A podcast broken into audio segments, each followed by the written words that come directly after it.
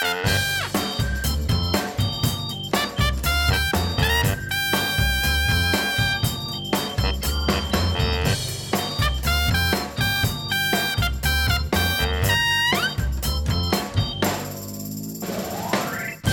Christelijk Nederland weer een aantal weken in de zon heeft gelegen en bruin is geworden, gaan we weer aan de slag in de eerste week van september met de CIP-podcast. Ja, Patrick, Ja, dat is zo. alle vakanties zijn nu wel een beetje achter de rug, Ja. dus we hebben nu ook weer een groter luisterpubliek. ja, is het zo? Heb je een daling gezien afgelopen weken? Nou, ik vond eh, de podcast van twee weken geleden was het, hè, die we voor het laatst maakten, die was eh, onder het gemiddelde. Dat was de podcast na de vakantie, toch? De Ja. eerste? Oké, Ja, ja. En nu is, eh, volgens mij, het midden is nu weer naar school. En dat is toch ja, de grootste groep van Nederland, denk Ja. ik zo'n beetje. Ja. Dus eh, ik Het noorden, moet, het noorden heeft nog vakantie dan? Nee, nee, eh, midden was het laatste. Oh, midden dus was nu laatst. iedereen weer terug. Oké, precies. Ja. Vorige week mocht ik eh, tientallen mannenbroeders ontmoeten op de Haamstede-conferentie in Elspet. Ja, En daar gaan we natuurlijk nog even op terugblikken. Hè? Dat is altijd wel een evenement Uiteraard. op zich. ik ben heel nieuwsgierig naar wat je te vertellen hebt. Allemaal dominees gesproken. Ja. En ehm, ja, tussendoor gaan we natuurlijk ook nog hebben over de ChristenUnie. ja. Want daar is toch wel nodige rumoer over in de media. Ik denk dat er intern wel een relletje is ook. Ja, Kan het verkleinwoordje misschien zelfs wel weg, maar daar gaan we het ook zo over hebben inderdaad. zeker. Maar we beginnen eerst met een opvallend bericht dat vorige week op CIP verscheen over eh landelijk contact jeugdwerk, LCJ, Ja, jongerenorganisatie binnen de CGK. ja de directeur daarvan. Ja. Jij kreeg een persbericht eh, vorige week dinsdag, Ja. volgens mij. We kregen vorige week dinsdagmorgen eh, een persbericht binnen. Eh, waarin stond dat de algemene directeur eh, van die jongerenorganisatie per direct eh, geschorst was. En eigenlijk hadden wij direct het gevoel, nou daar, is iets goeds mis. Ehm, en dat wilden we ook verder uitzoeken. Vooral omdat wij, wij vinden het heel belangrijk dat we ehm, transparantie in de kerk voorstaan en, en dat we daar ook aan meewerken. Het is immers al genoeg onder het tapijt geschoven de afgelopen eeuw in de kerk. En wij denken als CIP dat juist een klimaat waarin misstanden aan de kaak worden gesteld. Ervoor zorgt dat slachtoffers in bepaalde gevallen eerder aan de bel durven te trekken wanneer er iets mis is binnen de kerk. Hè? Dus daarom hebben wij geprobeerd om het uit te zoeken. Dat, eh, overigens doen we dat bij alle, alle, alle soorten misstanden hoor. We hebben laatst bijvoorbeeld nog hè, dat artikel van de correspondent heel uitgebreid overgenomen. Dat ging over de welvaartsevangelie en het geven van tienden. Dat bepaalde predikanten en voorgangers eh, daar heel dwingend en op een manipulerende wijze in preken hè, richting hun gemeenteleden. Ja, met name in Pinksterkerk was dat het geval. Ja, ja. Precies. Eh, dat hebben we toen ook uitgebreid aangegeven. We hebben daar zelfs meerdere artikelen over gepubliceerd. Ehm, nou, dit vonden we ook dat we hier aandacht aan moesten geven. Alleen het lukte niet zo goed om het verhaal uit te zoeken. Totdat wij ehm, een tip kregen en werden, er werd contact met ons opgenomen met een, eh, in- door een vanuit onze ogen heel betrouwbare bron. Eh, en die heeft ons het hele verhaal verteld. Eh, dat verhaal hebben we vervolgens uitgebreid gecheckt met de redactie bij meerdere bronnen. Eh, we hebben ook, eh, al die bronnen bevestigden hetzelfde verhaal overigens. We hebben ook het meisje zelf gesproken, het slachtoffer in deze zaak. En er werden ook bewijsstukken aan ons overhandigd. En dat alles bij elkaar was voor ons reden om te kiezen voor publicatie. Omdat we het eigenlijk vrijwel zeker, of vrijwel, 100% zeker wisten. Doordat we zoveel verschillende bewijzen en bronnen hadden. Onafhankelijk van elkaar. Onafhankelijk van elkaar, inderdaad. We hebben vervolgens nog wel als redactie heel lang, urenlang eh, nagedacht, gepraat, eh, overlegd, gediscussieerd en zelfs een nachtje geslapen over de vraag: ja, wat gaan we nu precies publiceren? hè? Ja. Maar je hebt, je hebt al een tijdje over het verhaal. Ga je dat ook zo dadelijk nog in het kort vertellen? Of? Eh, nou ja, het verhaal is natuurlijk. Ja, dat hebben we op SIP al uitgebreid verteld natuurlijk, maar ik kan het kort nog wel zeggen. Ehm, de algemene directeur is geschorst dus. Ehm, en het verhaal is dat hij zich onbehoorlijk heeft gedragen in WhatsApp-gesprekken. eh, en dan op seksueel gebied. Eh, wij hebben die WhatsApp-gesprekken gelezen ook overigens. Eh, dezelfde bronnen die wij hebben gesproken, die stellen ook dat hij niet alleen in, via WhatsApp over de scheef ging, maar dat hij ook een minderjarig meisje aanzette tot seksuele handelingen en een jonge man manipuleerde. Dus dat is in het kort het verhaal. Eh, ik, ja, daar wil ik verder ook niet al te veel meer over uitweiden. Nee, daar hebben we al genoeg over Ja, gehoord. Precies. Ja, dat klopt. Ja, maar eh, voor, de, voor de helderheid. eh, wij zijn dus als CIP-redactie niet over één nacht ijs gegaan, om zo maar Nee, te nee, zeggen. we hebben heel lang erover gepraat. We hebben, wat ik zeg, net een nachtje over geslapen. We wisten wel al vrij snel dat we wilden publiceren, maar ja, wat ga je publiceren is natuurlijk de vraag. Hè? Wanneer, wil je, wil je, we wilden niet, je wil niet eh, al te veel details die niet ter zake doen publiceren. Aan de andere kant wil je ook wel als je heel vaag blijft, dan ja, dan, dan lijkt het ook wel alsof we het allemaal niet zo goed weten, weet je wel. Dus je moet ook wel laten zien dat we echt wel van het verhaal op de hoogte zijn. Dus uiteindelijk hebben we voor de manier waarop we het nu gepubliceerd hebben gekozen. En daar staan we als hele redactie ook nog steeds achter. Mhm. En we beseffen natuurlijk heel goed dat dat enorm vervelend kan zijn voor het betrokkenen. We hebben heel veel reacties gehad, daar gaan we het zo nog over hebben. Ehm, maar ja, wij streven openheid na en juist bij deze misstanden. En dat is volgens ons, volgens SEP, is dat de enige juiste manier om eh, te strijden tegen de zwijgcultuur in de kerk. Ja, ja, ja. En bovendien, we zijn natuurlijk een journalistiek medium. En als je dan een persberichtje krijgt, dan is het natuurlijk ook gewoon je werk om ook eh, uit te zoeken wat, wat er nou precies, Precies. klopt aan het bericht. Dat is journalistiek. Exact, ja. Ja. ja, Er gaat trouwens nog wat vooraf aan dit verhaal van de algemeen directeur van LCJ. Mhm. Eh, want in 2015 kregen we ook een persbericht do- doorgestuurd. eh, eigenlijk met dezelfde mededeling dat deze meneer ook geschorst is. En toen hebben we er dus niet achteraan gebeld. En is eigenlijk heel erg sumier gecommuniceerd wat nou eigenlijk de aanleiding was voor die schorsing. Mhm. Eh, in het Nederlands Dagblad gaf eh, dominee Maarten Kater eh, commentaar. Hij was destijds voorzitter van de Raad van Toezicht. En wilde niet precies zeggen wat er toen mis was met het gedrag van de algemeen directeur. In ieder geval was het duidelijk dat het niet door de beugel, beugel kon. En dat het ook te maken had met, met social media. Dus dat is natuurlijk een beetje vaag. Ja, wat opvallend is overigens, is dat enkele leden van de Raad van Toezicht destijds eruit zijn geschap- gestapt. omdat ze het onverantwoord vonden dat deze directeur een herkansing kreeg op, ze- op dezelfde positie. ja. En eigenlijk is dat wel een beetje toch wel het nieuws van, van het hele CIP-bericht. Dat eh, op zo'n verantwoordelijke positie eh, er meerdere wijze mensen zijn opgestapt.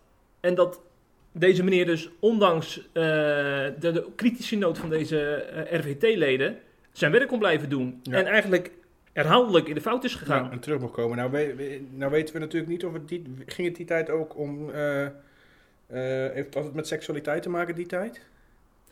Eh, ja, we hebben, ik, heb, ik heb zelf gebeld met een bron die daar ook bij betrokken was in die Mhm. tijd. Hij wilde daar niet te veel over kwijt, ook omdat hij dat denk ik heeft afgesproken. Maar hij, wil, hij zei het letterlijk op deze manier.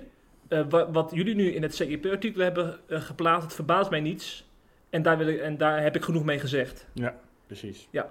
Oké, dus eigenlijk zou het, kunnen we wel concluderen dat het die tijd ook al met iets van dat onderwerp te maken gehad Ja. heeft. Ja, Ja. dat insinueerde hij heel duidelijk. Ja, Oké. Ja.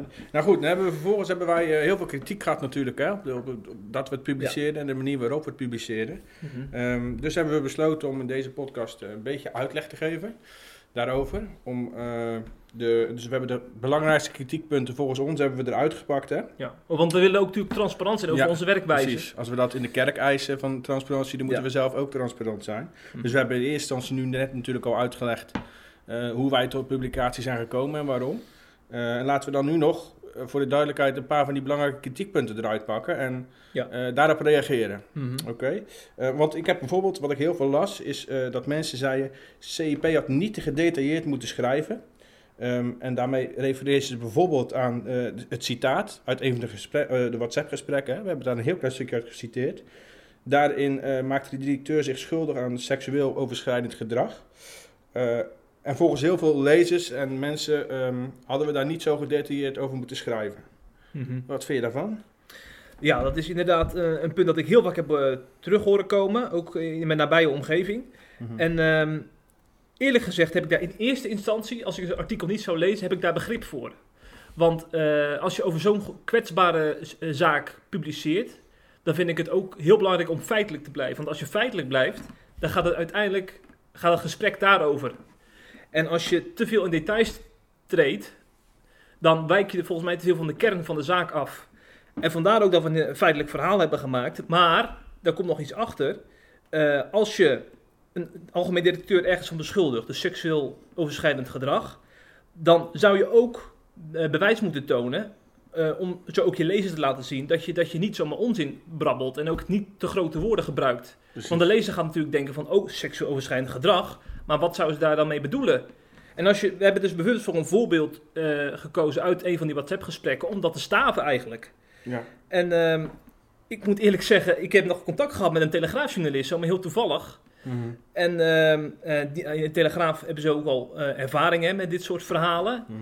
Sterker nog, wij zijn heel vaak Telegraafjournalist genoemd de afgelopen week, omdat wij eh, dit verhaal hebben gepubliceerd. En Mhm. die persoon die zei tegen mij, eigenlijk valt qua details hartstikke mee met jullie. Want als wij in onze privé een verhaal plaatsen over een dergelijke zaak, ja, dan komt er echt veel meer naar buiten. Ja, maar dat is nu precies het probleem. Hè? Wij, ze vinden dat wij een christelijke privé zijn en dat is natuurlijk geen compliment. Dus Nee. wij moeten juist onszelf onderscheiden van zijn privé, toch? Ja, ja, maar dat doen we dus door, door die details zo sumier mogelijk te Ja, brengen. ja. Want die, die Telegraafjournalist zei dus ook van, eh, dat, dat, dat zij dat veel uitgebreider zouden doen. Precies. Ze zouden een hele pagina aan details, denk ik, eh, Precies, nog doodgeven. Dus we zijn eigenlijk helemaal geen christelijke privé. Sterker nog, we laten juist veel minder details zien. Ja, we houden zo rekening Ja. ook met de achterban, volgens mij. Precies, oké. Nou was er nog een ander kritiekpunt en dat was ehm, dat mensen vonden dat wij eigenlijk vonden dat wij de reden van de schorsing achterwege hadden moeten laten. eh, om zo die directeur en zijn gezin eh, te beschermen. En wat er daar ook bij werd gezegd, ja, we zondigen allemaal. Ja, dat hoorde je vaak, hè? Ja. Van eh, wie zonder zonde is, werpen de eerste Ja, steen. Ik precies, vaak voorbij zien komen. Nou, ik was dus vorige week op de Haamstede-conferentie. En was op een dinsdag. Toen stond het, volgens mij, op de tweede pagina van het RD, Reformatorisch Dagblad, stond ook dat persbericht van het LCJ. En ik stond naast een dominee die de krant opende en hij zei dus meteen tegen mij... Joh, wat zou daar toch aan de hand zijn? Want dat persbericht maakte dus niet duidelijk wat de oorzaak van het opstappen van de algemeen directeur was. En dat roept dus alleen maar vragen op blijkbaar. Mhm. En ik denk het doel van berichtgeving moet juist zijn om zo mensen met zo min mogelijk vragen achter te laten. Dus door duidelijkheid te scheppen over wat er gaande is. Want nu, eigenlijk werk je hiermee een roddel in de hand. Want mensen gaan op zo'n conferentie gaan ze erover praten van... hey, heb je gelezen over die en die?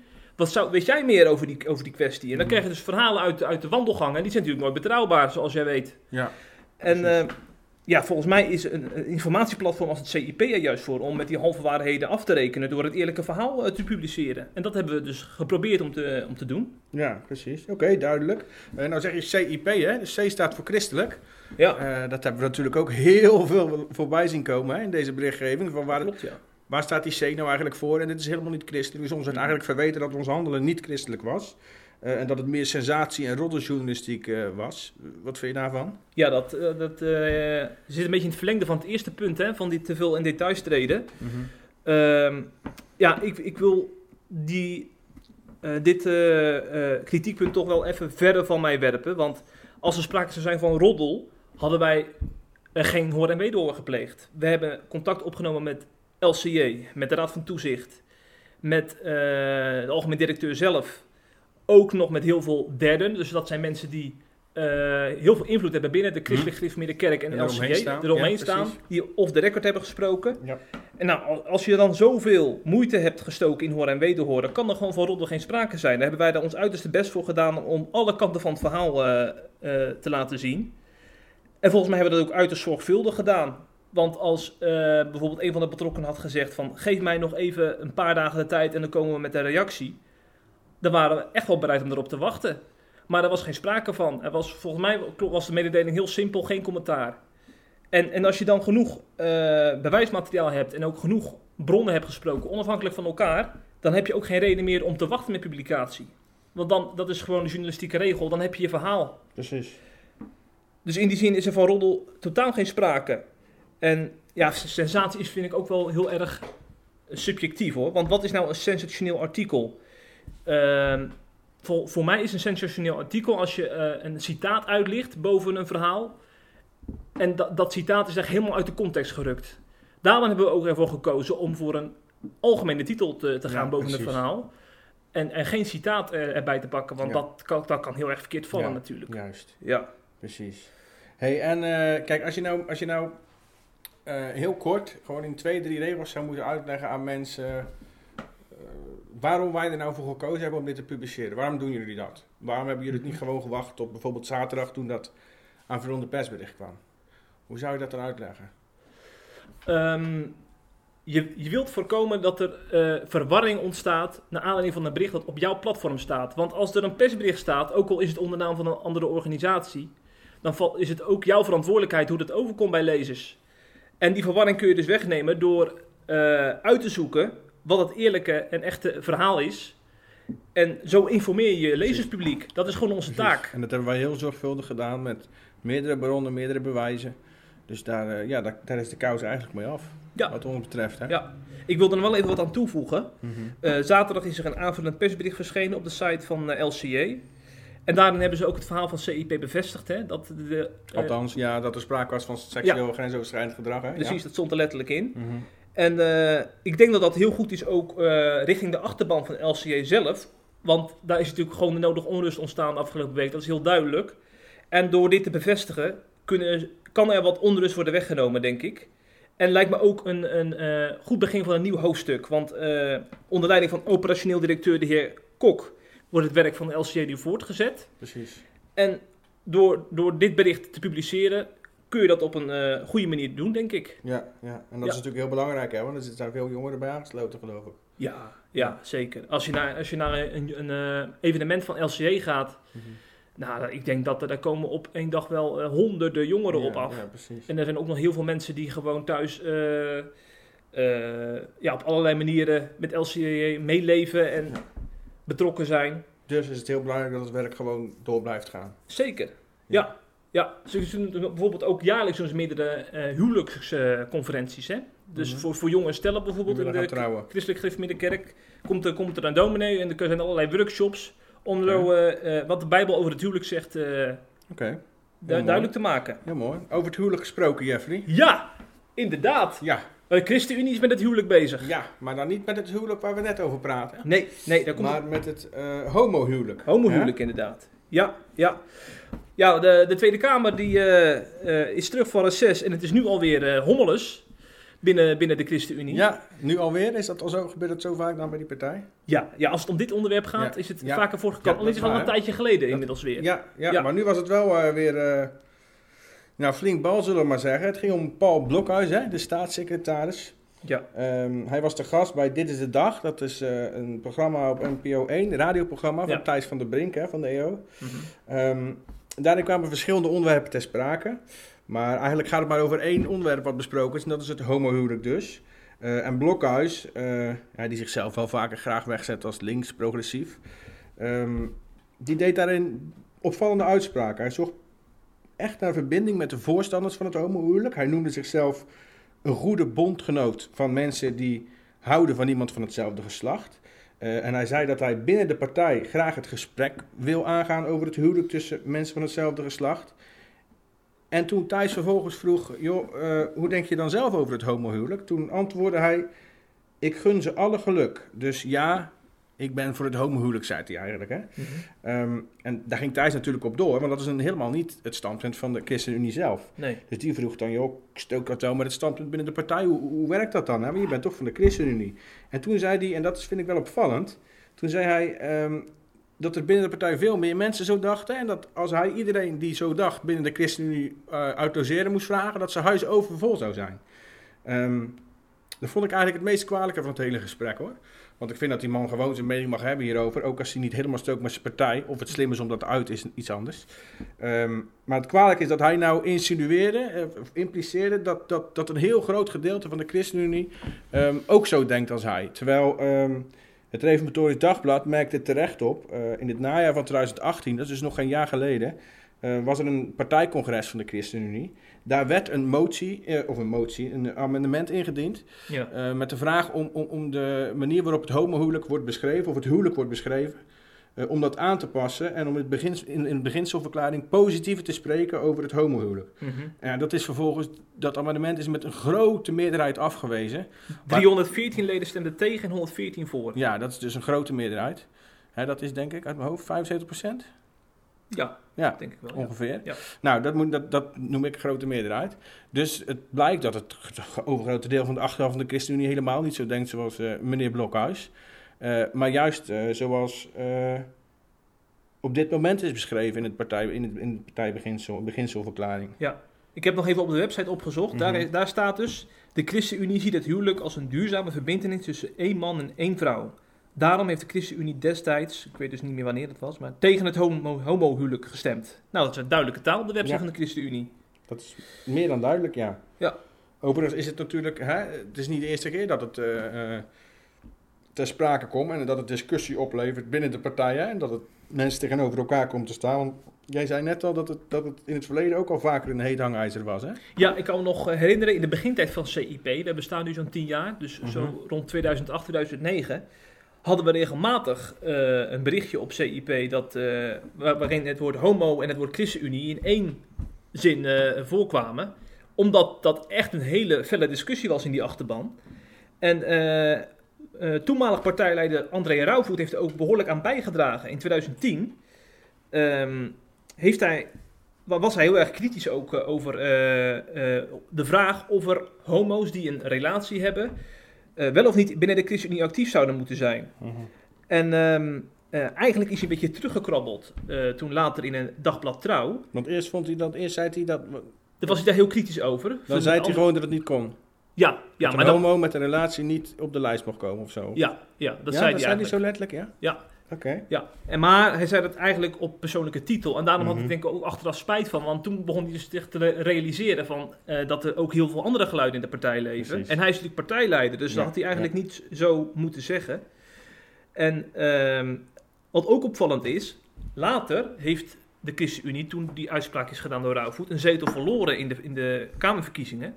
En uit de analyse van de eigen partij is ook gebleken dat zijn uitspraken daaraan hebben bijgedragen. Het is niet natuurlijk zo dat het alleen maar door die uitspraken komt, maar die hebben, die hebben echt wel een eh, belangrijke bijdrage aan het zetelverlies geleverd. Mhm. Dus dat toont ook aan dat het echt wel een open zenuw is in die partij. Ja. Ehm, twee jaar later, toen was, eh, stond Arie Slob aan het roer, zijn opvolger. Ja. Die is nu trouwens minister. ja, van onderwijs dacht ik, hè? Ja, onderwijs. Ja. Eh, hij was de gast in het NCRV-programma Altijd Wat. Eh, ik kan me nog herinneren trouwens, toen, eh, toen, toen was Rick Bokelman, onze huidige hoofdredacteur, die was toen nogal echt heel erg eh, veel met de kleine nieuwtjes bezig. Die heeft hier toen een uitgebreid artikel over geschreven. Omdat het zo opvallend was wat die Slop dus in het programma zei. Ehm, die journalist van, NS, van NCRV die stelde hem een aantal behoorlijk kritische vragen over ja, wa- waarom er momenteel zo weinig ruimte is voor homo's binnen de Mhm. partij met een relatie, dus die samenwonen met elkaar. En eigenlijk tot verbazing van heel veel kijkers en van heel veel eh, van onze lezers, ehm, gaf Adi Slop wat ruimte aan die homo's die een relatie hebben. Hij zei dus letterlijk in dat interview: Wij gaan niet over de privéleven van mensen. Je mag aan tafel schuiven, je mag gaan praten. Je bent volwaardig lid van de ChristenUnie. En een volwaardig lid van de ChristenUnie mag opteren voor bepaalde functies. En wat vind jij daar nou zelf van? Waar sta jij in, in, in deze hele discussie? Kan je Arie Slob begrijpen? Nou, eerlijk gezegd wel. Want ik vind dat je wel echt een belangrijke scheiding moet maken tussen politiek en kerk. Want eh, ik geloof dat eh, de Bijbel, als het gaat om kerkelijk gezag, zeg maar, hè, bijvoorbeeld een ouderling of een diaken, dat dat een hele andere lading heeft dan wanneer je bijvoorbeeld in maatschappelijk leven actief bent. Dus ik snap niet zo, eigenlijk niet zo goed, dat, dat mensen dan heel moeilijk gaan doen over, over een, eh, een partijmedewerker van de ChristenUnie die, die een homorelatie heeft. Ik nou, denk, omdat, omdat dat volgens hun natuurlijk iets is wat tegen de Bijbel ingaat. Hè? Zij zouden dat tegen jou zeggen. Zou je het dan ook prima vinden dat iemand die regelmatig vreemd gaat... eh, dat is voor hun hetzelfde. hè? ja, begrijp ik. Eh, of iemand die eh, samenwoont met een vrouw of in plek van zonder te trouwen. Hè? Of eh, hij gaat zo maar door. Alle dingen die in Ja. de Bijbel staan die niet goed zijn. In hun ogen is het gewoon iets wat niet volgens met de Bijbel stroomt. Ja. Dus mag het niet, zeg maar. Ja, ja. Overigens wil ik het ook wel eigenlijk omdraaien. Ik snap niet dat je eh, als, als homoseksueel met een relatie lid wil zijn en actief wil zijn of wil werken voor een partij die in haar eh, programma en op haar website heeft staan wat jij net zegt, dat God, dat huwelijk volgens God tussen man en vrouw een unieke verbintenis is. Waarom zou ik als man lid willen worden van een partij die zou zeggen, ehm, wij zijn eigenlijk alleen voor vrouwen? Want dat staat natuurlijk in dat beginsel, hè? Daar staat gewoon, het huwelijk is voor ons tussen man en vrouw. Dus waarom zou je daar dan als homoseksueel lid van willen worden? Dat begrijp ik al niet, zeg maar. Ja. Dat staat nog los van de vraag of, eh, wat, of het standpunt van de ChristenUnie wel, wel of niet bijbels is en hoe je daarmee moet doen. En of het politiek en kerk, hè, qua scheiding waar jij net zegt, hoe je dat toe moet passen. Maar los daarvan, waarom zou je het willen? Dat begrijp ik Mhm. eigenlijk al niet. Mm, mm. Ja. ja, dat is ook een goede vraag die bijvoorbeeld eh, Jonathan van der Geer zou kunnen beantwoorden. Hè? Hij is momenteel eh, politiek adviseur van de vicepremier Carola Schouten. En hij is dus eh, homoseksueel. En dat zou een heel interessant interview met hem opleveren, denk ik. Ja. Overigens eh, eh, heeft, om dit onderwerp Ja. af te sluiten nog even, heeft Piet Adema, dat is eh, ehm, de partijleider, zeg ik dat goed? Partijvoorzitter. Partijvoorzitter. Ja, partijleider is natuurlijk niet. De partijvoorzitter die heeft gereageerd op Blokhuizen en heel duidelijk ook, heel stellig. Ehm, hij zegt, aan de ene kant zegt hij wel, nou, Paul Blokhuis eh, staat vrij om zijn mening te hebben. Mhm. Eh, en, ook die, en die ook te uiten. Ehm, aan de andere kant eh, zegt hij heel duidelijk, eh, de formuleringen die op dit moment eh het ChristenUnie hanteert, zijn wat hem betreft en wat het partijbestuur betreft heel helder. En hij zegt, er is geen enkele aanleiding om een nieuw debat over dit onderwerp te starten. En men is volgens hem dan ook beslist niet van plan om een dergelijke principiële koerswijziging te gaan bespreken. Verder wordt er ook door andere christenen heel verschillend gereageerd. Er zijn inderdaad, ik denk overigens echt dat het huis van Blokhuis te klein zou zijn. Ik weet niet hoe groot zijn huis is, maar er zijn best nog wat ChristenUnie, eh, ik denk leden ook, maar in de achterban die, die het wel met hem eens zijn. Dat zie je ook wel op social media en zo. Hè? Ja. Maar het merendeel van de mensen die ik zie reageren, staan eh, niet achter zijn woorden. En die vinden dat iemand als Blokhuis eigenlijk steeds minder waarde hecht aan de christelijke waarden. En daar zijn ze dus over het algemeen wel bang voor bij de ChristenUnie. Eh, het is trouwens opvallend dat dit in dezelfde week komt waarin wij een interview met Bart-Jan Spruit hebben gepubliceerd hè, over Hmm. de ChristenUnie. Oh ja. En die zei dat Blokhuis een vreselijke politicus is. En dat CU steeds meer opschuift. Dat bevestigde hij nu ook in een tweet over. Hè, hij retweette dit nieuws. eh, wat Blokhuis had gezegd. En die zette erbij. Tja, schuiven de panelen. Ja, ja en Bart-Jan Spruit is niet een, ge- een gemiddelde Nederlander, maar dat is echt wel iemand met grote invloed binnen de ja. christelijk conservatieve Ja. scene, zeg maar. Hè? Conservatieve denker, historicus, publicist. Schrijft redelijk, redelijk vaak columns. eh, en wij hebben hem ook geïnterviewd. Onze politieke Ja. serie op SIP. de- in- tijdens het reces. Ja, oké. En dan komen we bij het mooiste item, Jeff, van vandaag. Ja, jij vindt het het mooiste item? Ja, tuurlijk. Ik ben zeer benieuwd naar je ervaringen.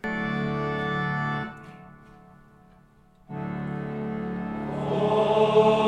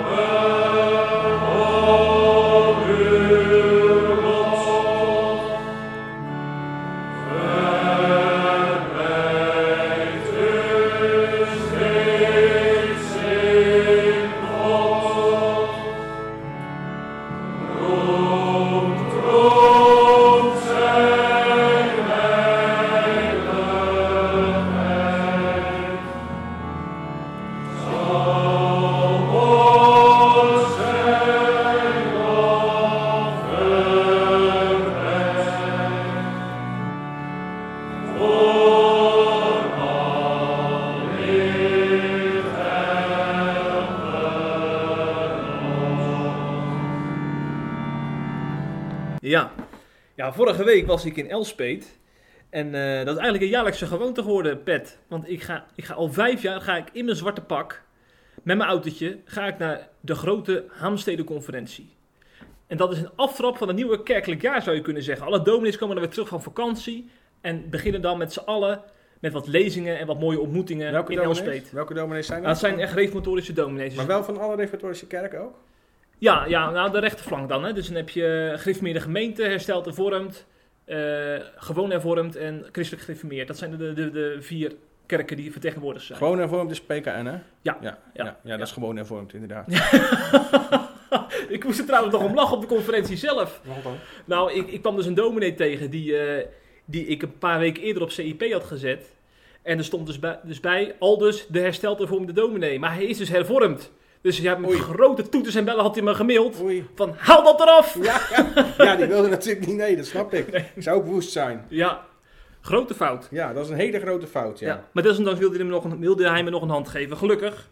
En ook met hem nog even een kroketje gegeten natuurlijk. Want je kunt lekker eten op die conferentie daar, jongen. Ja, echt Oh, dat zou meerdere gangen. Hm? Dat- Wat dat betreft zou het wel iets voor mij zijn. Ja, ja, ja, ja. Heerlijk eten. ja. Nee, dat is echt smullen geblazen. Maar uiteindelijk komen ze natuurlijk voor het geestelijk voedsel.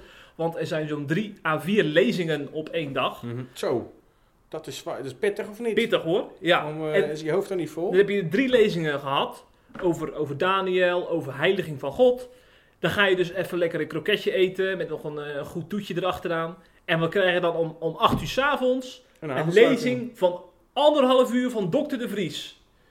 Over allerlei theologische ontwikkelingen in christelijk Nederland. Nou, dat- Je, je vertelt het op een hele moeie manier, alsof je er heel moe van ja, bent. ik heb er weinig van meegekregen. Want Ja. na drie lezingen Ja, dat ik. en een paar interviews tussendoor. Nou, dan zit Ja. mijn kopie vol Oh, hoor. jij ging tussendoor ook nog mensen interviewen natuurlijk. ja, ja, ja, ja. ja, nee, dat begrijp ik. Weet je wie ik onder andere geïnterviewd heb? Nee. Dominee Egas van de Christelijk Gereformeerde Kerk in Damwoude. En dat is eigenlijk Dan een beetje... Woude, dat is het Friesland toch? Ja, Friesland. Ja. Ja. Vandaar dat ik ook met hem af wilde spreken, want ik ga natuurlijk niet zomaar eventjes naar Friesland op en Nee, neer. dan moet je paspoort aanvragen. het is niet te hopen dat hij nu luistert. Nou, ik heb trouwens nog een podcast met hem gemaakt. Een podcast zelfs. En toen hebben we het inderdaad over de paspoortcontrole bij Friesland gehad. Ja. Dus ik ben Want- eigenlijk schaamteloos ingeruild voor dominee Egas. Kunnen we Ja, stellen. ja, zo kun je het noemen, ja. Zonder moeite. Ja, ik heb ook nog overwogen om hem gewoon als werknemer aan te nemen. Precies. En dat jij dan in Damwoude Ja. zijn plek overneemt. Ja. Oh, dat vind ik ook prima. Heerlijk rustig in Fri- Friesland. Kan je lekker vissen. Juist. Heerlijk. Juist. Ja. Maar ik heb dat dus, weet je wat leuk is? Ik heb er dus van, van een aantal dominees gewoon reacties op gehad. Die hebben gewoon die podcast geluisterd van, met dominee Egas. Mhm. Puur omdat er natuurlijk Egas bij stond. Ja, dus normaal luisteren ze nooit. Nee. Als er Simons bij staan, luisteren ze niet. Dus wat is nu eigenlijk het idee van onze hoofdredacteur Rick Bokelman? Dat Jeffrey Schipper vanaf nu voortaan één keer in de maand het land in gaat om een podcast met een dominee te maken. Ik vind het een prachtig idee. Dan gaan we dat doen. Maar waarom dominees dan? Er zijn toch heel veel andere interessante mensen nog? Ja, dat is dus een goede vraag. Want als wij op CIP kijken en ik publiceer een interview met een dominee of een beroepingsnieuwtje of, eh, of, of een, een waarbij een dominee een uitspraak heeft gedaan, dan is er bijna altijd trending op CIP. En ik denk dat dat komt omdat er iets fascinerends is aan die he- hele domineescultuur in Nederland. Dus een dominee die is natuurlijk 24 uur per dag en 7 dagen in de week dominee. Dat is een heel apart beroep. Eh, maar ja, die, die dominees die zijn dus ook voortdurend met, met evangelie en met kerk en met geloof bezig. En mens, en mens, dat, ja, niet alles komt naar buiten, zeg maar. Dus er is een hele, heel groot deel van het leven dat onzichtbaar is. Mhm. En dat het door een podcast of een interview, als daar iets van zichtbaar wordt voor de buitenstaander, ja, dan vinden ze het geweldig om, om daar kennis van te nemen. Ja, dan gaat het vooral niet alleen maar om de mening over bepaalde onderwerpen, maar ook om de mens achter de neem Ja, dus dat is volgens mij bij die podcast met Egas wel aardig gelukt. Want ik, ik, we hadden het een beetje over Friesland, weet je wel, de Friese cultuur. Over zijn vrouwen, over dat hij naar de kapper gaat daar. En mensen vinden dat heerlijk. ja. Gaat alleen mannelijke dominees doen? Eh, wat mij betreft eh, zijn er geen eh, taboes bij CIP. Dus als er een vrouwelijke dominee is die geschikt is voor de podcast, want dat is ook belangrijk hè. Ja. Want sommigen zijn alleen geschikt voor een geschreven interview, maar als Ja. het geschikt is voor de podcast, ga ik daar graag Wat, heen. wat, Ja, wat zijn de vereisten dan? Wanneer ben je geschikt voor een podcast? Ehm, ja, ik vind het wel belangrijk dat ik die persoon al een keer eerder heb ontmoet, dat ik een beetje een klik heb met Ja, iemand. Dat je weet Dat wie praat het is, makkelijker. je dan hebt. Ja, ja. Ja. Met een vreemde doen, het lijkt me lastig, hè, inderdaad. Precies, ja. Dan, Ja, moet je, hè, dan moet je eerst dat hele dat, dan ga je elkaar aftasten en dat merk je in een podcast, hè? ja, en dat moet je niet hebben. Nee, Ja. precies. Ik Eh, begrijp het. Ik ben al twee keer eerder bij EGAS geweest en ik ontmoet hem elk jaar met veel plezier bij de Haamstede-conferentie. En als je dan eenmaal die connectie hebt, ja, dan is zo'n podcast heerlijk om te maken natuurlijk. Dus een podcast met professor Dr. De Reuven zit er niet in. Nee, die heb ik nog nooit ontmoet. Jawel, Bij toch? deze- bij deze- eens ontmoet. Ja, ontmoet, ja bij de Haamstede-conferentie sprak hij Ja. vorig jaar, ja. precies. Ja. Maar bij deze De Reuver, het zou toch leuk zijn als u even een interview als CIP geeft, want dan sturen we Patrick Simons naar u toe. Ja, ja. En Zijn er nou trouwens ook nog, was het vooral twee dagen heel veel plezier hebben en heel veel lachen en heel veel boeiende lezingen? Of waren er ook nog dingen waar jij zoiets van had van, hmm, dat wat je niet leuk vond of waar je, aan, waar je jezelf aan ergerde? Ja, er is één ding dat me wel in negatieve zin is opgevallen. Als je bijvoorbeeld bij koffiemomenten tussen de lezingen door even een leuk gesprekje hebt met een dominee voor de eerste keer of zo, dat dan vaak toch de eerste vraag is: en bij welk kerkverband bent u aangesloten? Of naar welke reformatorische kerk ga jij op de zondag? Ja, dan voel ik me gelijk voor het blok gezet. Want? Want ik ben niet aangesloten bij een reformatorische kerk, omdat ik ook helemaal, niet, helemaal geen waarde hecht aan die naampjes eh, trouwens. Maar los daarvan, al zou ik wel bij een reformatorische kerk zijn aangesloten, waar, waar, wat voegt dat toe aan, aan zo'n ontmoeting? Ik, ik, ik, ik denk dan gelijk, dan gaat het blijkbaar om of je in een goede hokje zit, ja of nee. Terwijl volgens mij, juist op zo'n conferentie, een interkerkelijke conferentie, waarbij alle kerkmuren wegva- wegvallen, zou je zo'n vraag helemaal niet moeten stellen. Maar zeg je dat, heb je dat dan ook gezegd? Zeg je dat dan ook tegen zulke mensen of heb je dan toch nog iets van, Nee. ehm, dat je dat niet goed durft tegen dominees? Ja, ik ben dan toch een beetje diplomatiek. Dus dan zeg ik van, ik ben aangesloten bij een, een soort van pionierskerk, pi- pionierskerk bij ons in de wijk, die net is opgestart eh, zeven jaar geleden. Waarbij mijn vrouw en ik heel veel taken op, op ons hebben genomen om eh, asielzoekers te bereiken met het evangelie. En zo praat ik dan een beetje Maar door. dat vinden ze dan heel mooi waarschijnlijk wel. Ja, dus daarom zeg ik het ook. Want Maar vragen ze dan niet bij welke kerk is die pioniersgemeente aangesloten? Want dat lijkt me dan de volgende Ja, dat valt me dus op dat ze, als je dan eenmaal begint over, er worden ook Afghanen en Iraniërs bij ons gedoopt, die vroeger moslim waren, dan, dan vragen ze nooit door op, eh, op de kerk. Nee, of- of, of het een post is van een bepaalde gemeente, dat nee, zeggen ze nooit. dan gaan ze gelijk door op, oh wat mooi, Eh, vertel ons wat meer Oh, over. dat is mooi, dat is wel. Nou, misschien moet je dan. eh, ja, je, ja ik, je zou ook als antwoord kunnen geven, hè? De volgende keer dat ze het vragen. Stel dat je volgend, je gaat volgend jaar weer trouwens. Je gaat volgend jaar weer en je krijgt misschien weer vijf keer die vraag. Dan zeg je gewoon elke keer: ik hoor bij de kerk van Christus. Dat is wel een goeie, ja. Maar dan vind ik dus wel een beetje moeilijk, want dan heb ik het gelijk het idee dat ik, dat ik ze dan, voor, dat ik ze dan eh, bekritiseer of zo, weet je wel. Nou, dat mag toch ook? Ja, Zijn geen heiligen. nee. Een spiegel voorhouden is ja, ook en het is voor ook, een op, het is ook op een hele milde manier, denk ik. Ja. Ligt ook een beetje aan de manier waarop je het zegt. Als je het een beetje. Mhm. Ja, lachend is ook wel geen goed idee. Maar als je het een beetje tactisch brengt, dan denk ik dat de meesten daar geen probleem mee hebben. Dat juist heel mooi vinden, denk ik. Ja. ja, want ze zijn niet voor niks op die conferentie. Precies, precies. Dat klopt, ja. Ja, trouwens, Henk Binnendijk die was dan niet op die Haamstede-conferentie. Maar, Hij is wel Nederlands hervormd. ja, dat is die inderdaad. Sterker nog, ik heb hem eh, geïnterviewd, Henk Binnendijk. En eh, hij, heeft tegen mij, hij zei tegen mij, citaat, Mhm. ik ben Nederlands hervormd geboren, ik heb Nederlands hervormd geleefd en ik zal Nederlands hervormd sterven. En jij gaat nu zeggen dat het citaat binnenkort op CIP staat, zeker? Inderdaad, En- dat citaat staat binnenkort op CIP. En alleen voor leden waarschijnlijk. Want ik heb er een uitgebreid interview mee gehouden. Daar komen meerdere artikelen van. Dat kan even duren, overigens. Want eh Henk Binnendijk is, heeft nog geen e-mailadres. Dat gaat hij niet meer doen ook. Dus het moet via de post eh, het artikel opgestuurd worden om het na te kijken. Tjoh, Ja, het gebeurt nog inderdaad. mooie man. Maar dat hebben we graag over voor eh, Henk. Ehm, en dat worden uiteraard SIP Plus artikelen. Dus wil je dat kunnen lezen, dan zou je een abonnementje af moeten sluiten. Hm. Ja. En dat is natuurlijk geen probleem meer, Jeffrey. Als je ziet wat je daar allemaal voor terugkrijgt. Ja, enorm. Je krijgt een podcast met dominee Egas voor terug. En ook nog interviews met onze nieuwe stagiair, Lucas Ten Napel. Lucas, een echte Urker. Ja, We hebben een echte Urker, ja, inderdaad. Vijf dagen per week, maakt de mooiste verhalen. klopt. En die krijg je allemaal voor slechts 5 eurotjes per maand, jongen. Hm. En hij is vandaag al helemaal losgegaan, hè? Ik heb net even met hem gezeten, nu al twee interviews voorbereid voor eh, morgen en overmorgen. Ja? Dus eh, dat belooft wat. Nou, ik ben nieuwsgierig. Overigens komt hij niet in de podcast volgende week, want jij bent toch wel een beetje samen met Geerten en ik de nieuwsredacteur. Dus ik hoop je volgende week bij Leven en Welzijn weer Deo Lente. spreken. Deo. DV. Ja, en dan zal er vast weer van alles gebeurd zijn in de christelijke wereld. Tot de volgende week. Tot volgende week. Bye.